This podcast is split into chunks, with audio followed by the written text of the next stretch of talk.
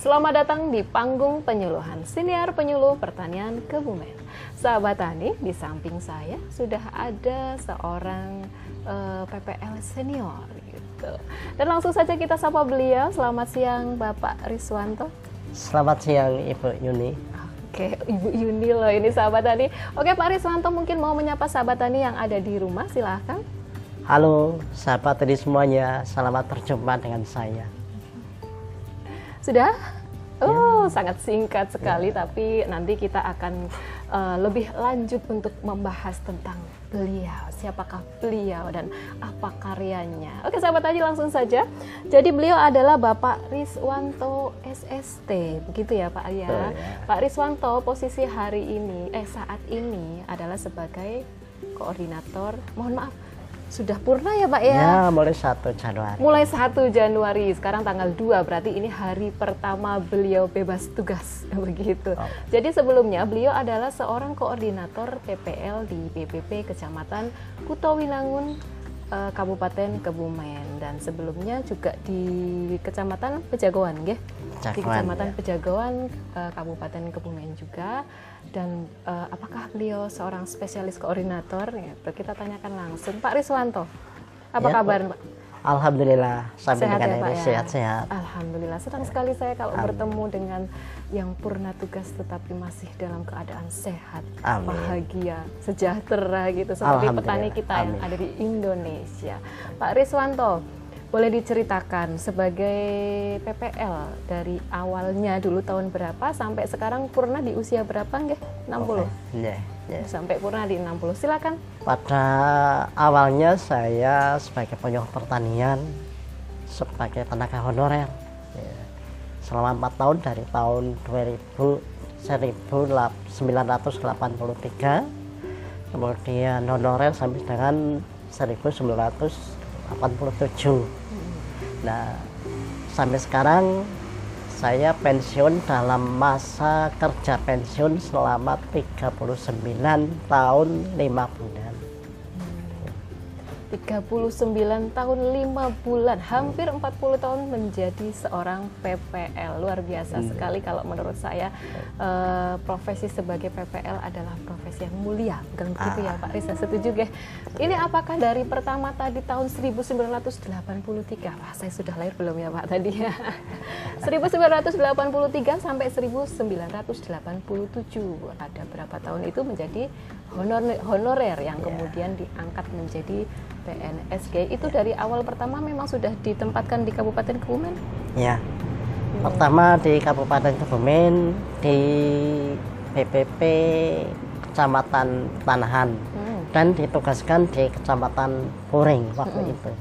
BPP-nya petanahan tapi tugasnya di Kecamatan yeah. Puring. Berarti mungkin ada uh, cerita sedikit ya Pak Riz ya dari awal uh, perjalannya sebagai PPL lika-likunya ada nggak yang paling berkesan ini Pak Riz? Ya, saya ceritakan sebagai penyuluh pada hmm. dekade 80-an hmm. ya waktu itu memang penyuluh sangat-sangat dibutuhkan dan punya peran luar biasa karena di situ penyuluh dituntut ya sangat-sangat dituntut ya sekarang pun dituntut hmm. waktu itu penyuluh itu kerja harus di wilayah binaannya ya siapa pun itu harus bertempat tinggal di sana. Gitu.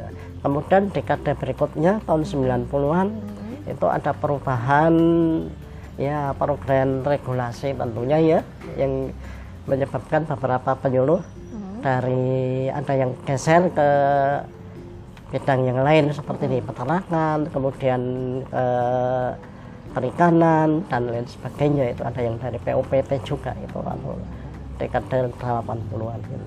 Berarti sempat mungkin uh, kalau harus di wilayah binaannya berarti mungkin waktu itu karena kayaknya Pak Riz sendiri itu bukan asli orang Kebumen ya? Ya. Bukan ya. gitu. Jadi mungkin ditempatkan di wilayah binaan ini sampai ngekos ngekos atau gimana ini Pak Riz? Ya, memang begitu. Hmm. Semuanya teman-teman yang saat itu itu sama, ya? sama punya kos-kosan di wilayah di kerja, wilayah, ya, wilayah oh. kerjanya.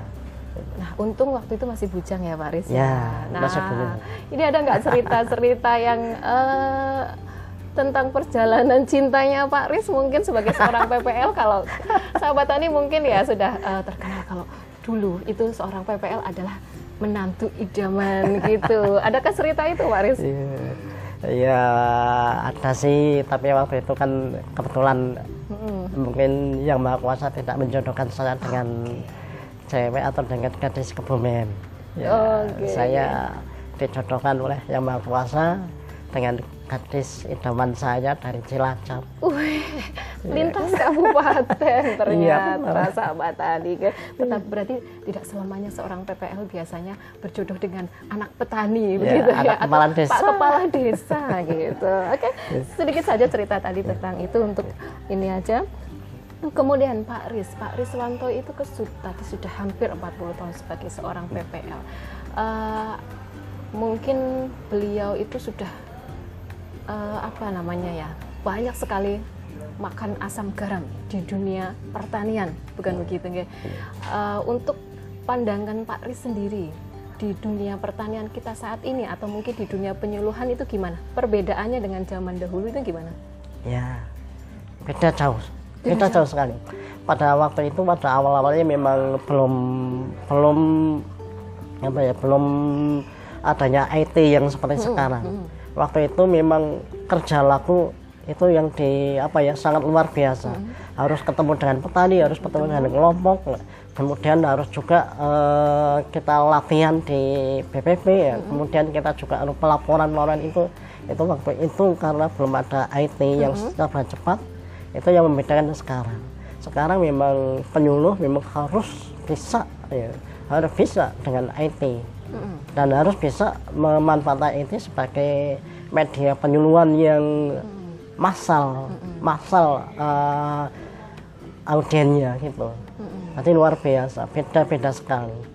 Dan saya senang kalau ada uh, media macam ini untuk hmm. penyuluhan. Mudah-mudahan petani kita yang sekarang juga siap untuk menerima secara uh, milenial ini dan mungkin perbedaannya yang jauh juga uh, tentang laporan dan administrasi mungkin ya Pak Aris yang mungkin dahulunya itu tidak terlalu banyak untuk laporan yeah. sehingga lebih sering untuk bertemu petani yeah, dan sekarang yang saya alami gitu yeah. kayaknya penyuluh juga uh, beberapa kali terlihat di kantor untuk mengerjakan administrasi tetapi hmm. dengan tidak menghiraukan tugas utamanya yeah. tugas pokok dan fungsinya oh. ke kelompok tani. Begitu ya Pak Riz ya. ya. Kemudian untuk selanjutnya uh, tadi hal-hal yang mengesankan paling cuma sejauh uh, tentang harus tinggal di wilayah binaannya okay. gitu. Atau mungkin ada nggak konflik-konflik yang terjadi dulu dengan petani mungkin masalah harga atau mungkin masalah uh, ada teknologi inovasi yang tidak bisa diterima petani. Pak Riz pernah mengalami nggak? Ya pernah juga sih hmm. ya. Karena hal-hal teknologi di pertanian kan kadang-kadang anu hal baru.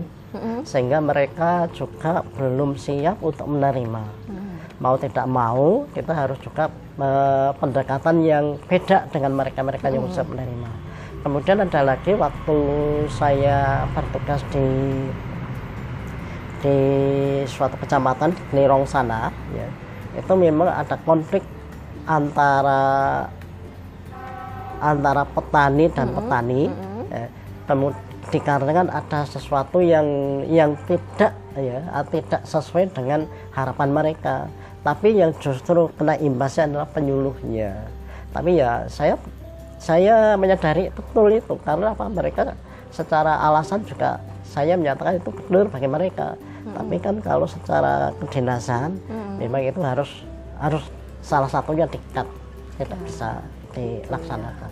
Nah itu berarti harus punya mental baja juga harus ya Pak mental ya? baja, kemudian harus ya, harus pandai-pandai uh, pendekatan terhadap pendekatan. iya petani. Nah itu tadi dikatakan bahwa harus menggunakan pendekatan yang beda. Ya. Bedanya apa ini Pak Aris? Contoh satu saja. Ya, pendekatan secara teknologi itu bukan itu pendekatan hmm. secara uh, masa juga bukan itu bukan. tapi saya lakukan dengan pendekatan secara manusia, manusia. Ya saya kunjungi, saya saya kasih pengertian ini ini ini, kemudian saya uh, berikan ke depannya bagaimana. Nah di situlah peran peran penyuluh juga sangat penting pendekatan secara manusiawi hmm. agar mereka bisa dan mampu nantinya untuk menerima sesuatu dari hati ke hati mungkin dari ya, hati ke hati betul dari hati ke hati perlu. uh, secara uh, duduk bersama yeah. dari hati ke hati mediasi gitu ya Pak Riz yeah, ya tentunya. Jadi uh, jadi menjadi seorang PPL gitu jadi seorang penyuluh pertanian itu tidak hanya harus pintar dalam hal uh, mungkin teknologinya, ilmunya, tetapi juga harus mampu untuk mengatasi hal-hal seperti itu ya Pak iya, Riz ya. Nah Pak Riz sebagai koordinator BPP Kecamatan Kutowinangun sebelumnya ini ya, mohon maaf ya. Uh, Pak Riz sepertinya ini yang ada di belakang saya gitu. Waktu kapan saya main ke sini belum ada ini. Uh, di masa atau eranya Pak Riz ternyata ada. Wah ini apa ini Pak Riz bisa diceritakan ya. sedikit? sebetulnya sih kita hanya mendorong hmm. mbak tapi juga perlu perlu apa ya adanya suatu dorongan lain misalnya hmm. adalah suatu mod, uh, pelatihan atau diklat atau yang namanya bintek atau yang hmm. timnas jenis itulah hmm. itu ya waktu itu saya sudah sudah melihat ya hmm. sudah melihat ini sudah ada barang kemudian beberapa saat masih off nah kemudian dengan personil di Petrawanun ini uh -huh. ya, ini sangat luar biasa sebetulnya sudah punya sudah punya uh, sudah punya teknologinya -huh. hanya tinggal geraknya. geraknya. Nah, itu saya motivasi kemudian. Kemudian kita lanjutkan juga Mbak Yuni. Uh -huh. Ini juga tidak hanya di PPP adanya ini ya. Kita lanjutkan dengan waktu itu kami Eh, mengadakan pelatihan tematik tentang hmm, hidroponik hidroponik bersama petani-petani milenial ya, gitu, di BPP. Kemudian berkelanjutan untuk di BPP-nya ya Pak Aris? Di BPP insya Allah nanti akan berlanjut dan hmm. ini ini sangat penting untuk uh, so bagi petani-petani yang datang hmm. ke sini Mbak hmm. Bisa untuk pembelajaran juga ya, media, ya, okay. media juga media penyuluhan juga bisa dengan ini okay. ya langsung okay. dengan demplotnya langsung gitu ya sahabat tani. Dan ini ini adalah uh, tanaman selada dengan sistem hidroponik ya. Kemudian selanjutnya apakah ada mungkin Pak Aris punya uh, apa ya teknologi-teknologi lain mungkin ada apa lagi nih Pak Aris? Ya di BPP Kota Winangun beberapa hmm. bulan yang lalu ada potensi yang sangat luar biasa. Hmm. Ya di sini di antaranya adalah bagi uh, kebutuhan petani yang ada di Kota Winangun khususnya dan pada umumnya yang ada ya petani itu semuanya sepertinya teknologi rekayasa bakteri nitrobakter oh, ini adalah uh, bakteri nitrobakter yang dikembangkan di BPP Kota Winangun hmm. di mana ini bisa untuk menggantikan pupuk urea hmm. pupuk nitrogen bakteri nitrobakteri itu dikembangkan untuk e, secara langsung nantinya bisa menyerap nitrogen yang ada di udara sehingga tidak perlu urea-urea yang dari pabrik banyak-banyak ya sehingga petani akan walaupun urea mahal walaupun urea sulit ya, hmm. ya, tidak akan tidak, tidak akan khawatir. Tidak akan khawatir karena iya. sudah punya senjata. Iya, salah satunya tadi yang sudah diajarkan Pak Riz mungkin ya bagi petani-petani yang ada di Kecamatan Kutowinangun pada khususnya dan untuk sahabat tani yang ada di rumah bahwa bakteri nitrobakteri nitrobakter itu bisa digantikan untuk menggantikan urea, tetapi tidak serta merta langsung oh. ganti begitu saja ya Pak Aris ya, ya. tetap Pak. masih ada urea sedikit-sedikit, ya, tapi bisa ya. bertahap untuk mengurangi mengurangi sampai pada akhirnya ya. tidak menggunakan sama sekali sehingga ketika eh, petani-petani uh, kita ribut tidak bisa mendapatkan pupuk di sini sudah santai-santai aja ya Pak ya, Riz ya karena sudah bisa mengembangkan sendiri nitrobakternya. Ini bisa dikembangkan di rumah ya Pak Riz ya? Bisa, sangat bisa. Sangat Teknologinya bisa. mudah sekali, hmm. peralatannya juga mudah sekali. Hmm. Yang penting uh, memotivasi petani itu mm-hmm. ya teman-teman penyuluh harus harus memotivasi mm-hmm. itu sehingga mereka mau untuk melaksanakan. Yang penting kemauannya itu sebenarnya yeah. Pak Riz ya. Yeah, yeah. Kalau ilmunya itu bisa dipelajari dengan bisa mudah. Bahan-bahannya bisa didapatkan okay. dengan mudah. Yeah. Bahkan peralatannya itu kalau saya lihat cuman dengan tabung Ya, eh, apa yang namanya drum atau drum iya, atau Drum ember atau gimana. besar Ya. gitu Sem- saya yakin semua sahabat tani juga pasti akan bisa melakukannya yang penting adalah kemauan kemudian saya tadi lihat ada di belakang saya kayaknya ini apa ya Pak Riz ya Oh ya, Mm-mm. ya. Ini adalah eh, ember tumpuk. Ember tumpuk. Ember tumpuk itu nantinya adalah untuk pembuatan pupuk sendiri bagi petani. Dan kalau di sini kami istilahkan bahwa ini adalah pabrik pupuk skala rumah tangga. pabrik pupuk skala rumah tangga dijelaskan sedikit Pak Riz Iya. jadi eh, pembuatan pupuk dengan ember tumpuk ini menggunakan bahan-bahan dari rumah tangga begitu ya Dari limbah rumah tangga. dari limbah Betul. rumah tangga. Nah ini buat ibu-ibu kayaknya ini untuk Ya, sahabat tani sahabat tani yang eh, kaum wanita gitu Iya. atau petani eh, kelompok wanita tani ini juga eh, sangat Sangat juga ya, cocok. sangat Dan- cocok sekali Dan bagus sekali untuk tanaman sayuran. Bagus, bagus. Jadi ada limbah rumah tangga yang diproses dengan eh, teknologi Iya. ember tumpuk ini dan jadinya nanti outputnya adalah pupuk organik cair Pupuk organik cair. yang bisa digunakan untuk tanaman apa pun itu ya Iya. Pak Riz ya. Oke, Iya. jadi luar biasa sekali ternyata Pak Riswanto tidak hanya sebagai koordinator saja yang mengeluarkan kebijakan-kebijakan tetapi beliau juga ikut terjun langsung untuk teknologinya, untuk eh, mungkin di eh, kelompok taninya, pendampingan ke kelompok tani. Tadi ada yang sudah terpampang nyata di belakang saya, itu adalah hidroponiknya, terus kemudian ada ember tumpuk, kemudian perbanyakan nitrobakter. Luar biasa sekali. Ini harusnya belum purna nih kayaknya Pak Riz. Harusnya masih masih perjalanan masih panjang untuk Ya. dibagikan ilmu-ilmunya tapi gitu. sudah. Gimana? Gimana nih Pak Riz perasaannya setelah purna? Ini satu hari pertama kayaknya ya. Ya. Hari pertama. Di Ah. rumah, di rumah apa ini? Jadi MC, ngomong ya, cucu. ya, alhamdulillah. Alhamdulillah juga sudah ada sudah punya kegiatan cucu gitu, ya. ya. Tapi saya juga tetap akan berpartisipasi Iya. di bidang pertanian. Ya, saya sedikit-sedikit punya lahan, kemudian yang ember tumbuk, kemudian Ada juga yang bakteri juga saya amalkan, saya laksanakan. Insya Allah di sana juga ada petani-petani, insya Allah akan menirunya gitu. Jangan-jangan punya instalasi hidroponik juga nih di rumah. Ya, Ada juga. Sementara belum. Oh belum, Masih- tapi ada rencana ya Pak Riz ya? Ya, saya masih menggunakan uh, planter bag dan pot. buat tampu lampot gitu ya, Ya. Mas? ya, ya, ya, ya.